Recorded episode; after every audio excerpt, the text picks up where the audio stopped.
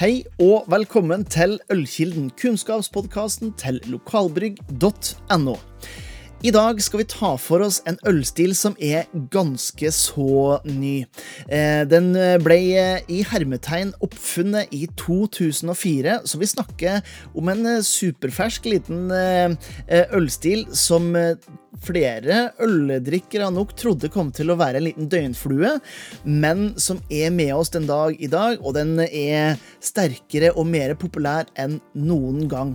Eh, der vi snakker om eh, ting som porter og IPA og brown ale og de flere hundre år med historiene, så er New England IPA en ølstil som er veldig, veldig fersk.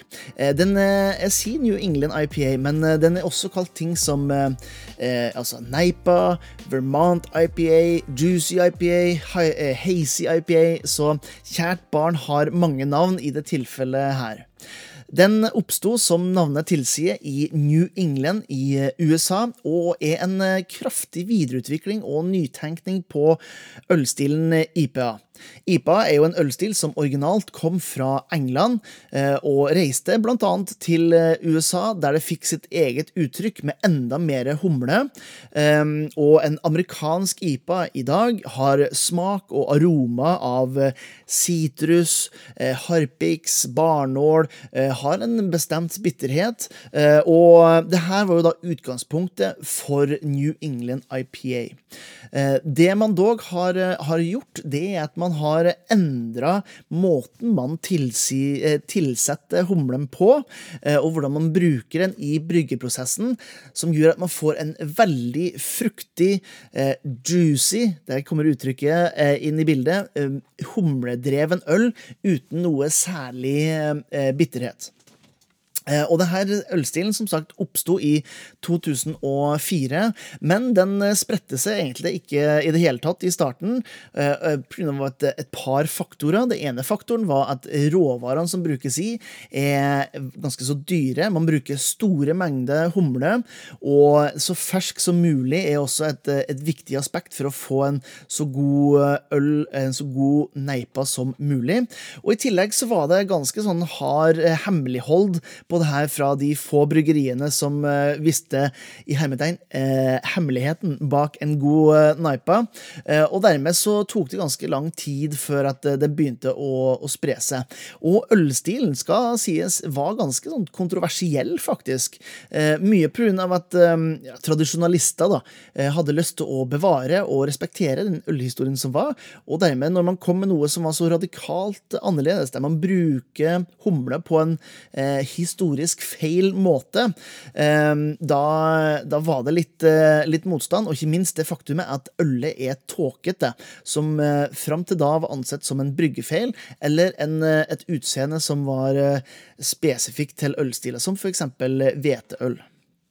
Men eh, på starten av 2010-tallet, eh, da ble det mer interesse. Det var flere som lærte hemmelighetene, som eh, lærte seg å lage god neipa. Og i 2015 så ble det en ølstil som ble anerkjent av BJCP, som er Beer Judging Certification Program i USA, som er ja, på en måte en slags eh, guide, en stilguide for ølverden. Eh, så er jo spørsmålet hva er en neipa? Jo, en neipa er en veldig humledreven, tåkete øl som har en intens humlearoma og smak. Eh, og det får den til ved at den bruker veldig mye av humlen helt, helt på slutten av eh, bryggeprosessen.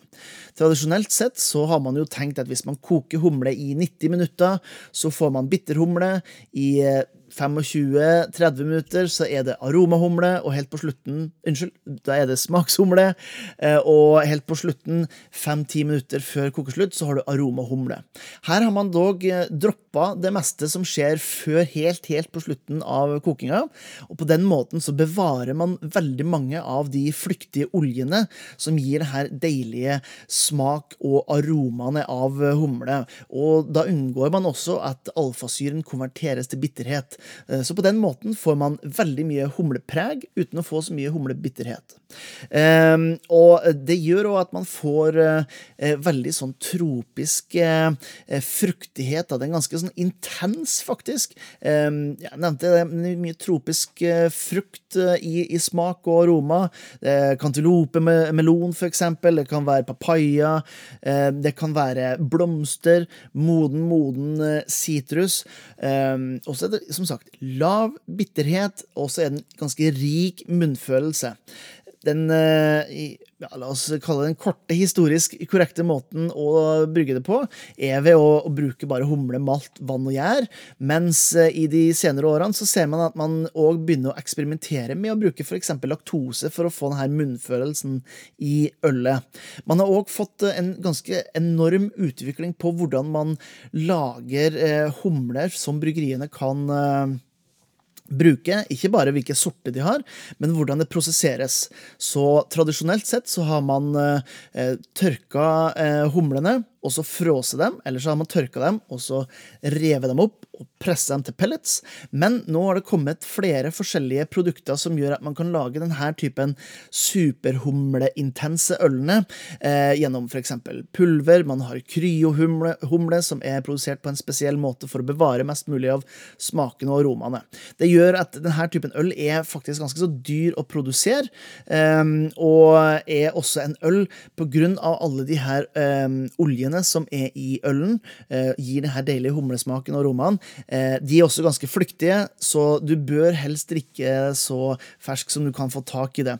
Eh, jeg ville alltid ha valgt en IPA, en Neipa, på boks framfor flaske, av den enkle grunn av at en boks er statistisk sett mye mer tett og snillere med denne typen øl enn f.eks. flaske.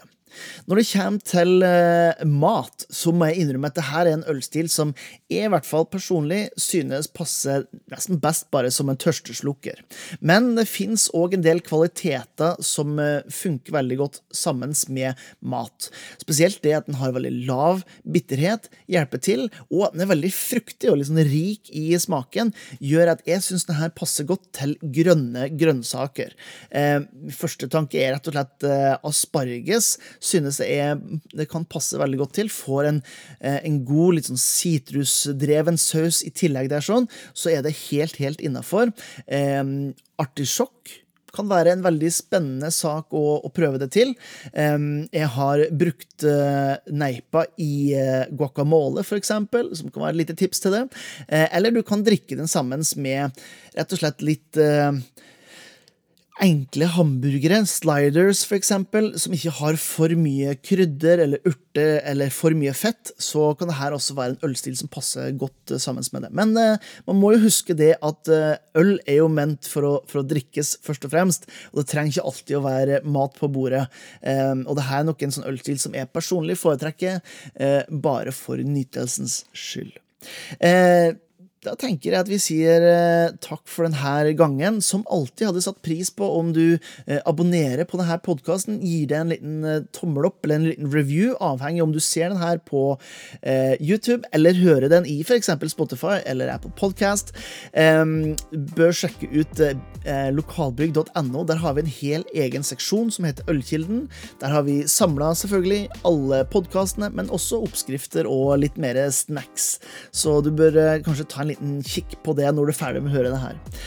Igjen, tusen takk for følget, og jeg må jo si det, at jeg gleder meg allerede til neste gang at vi kan dykke ned i ølkilden sammen og lære litt mer om øl.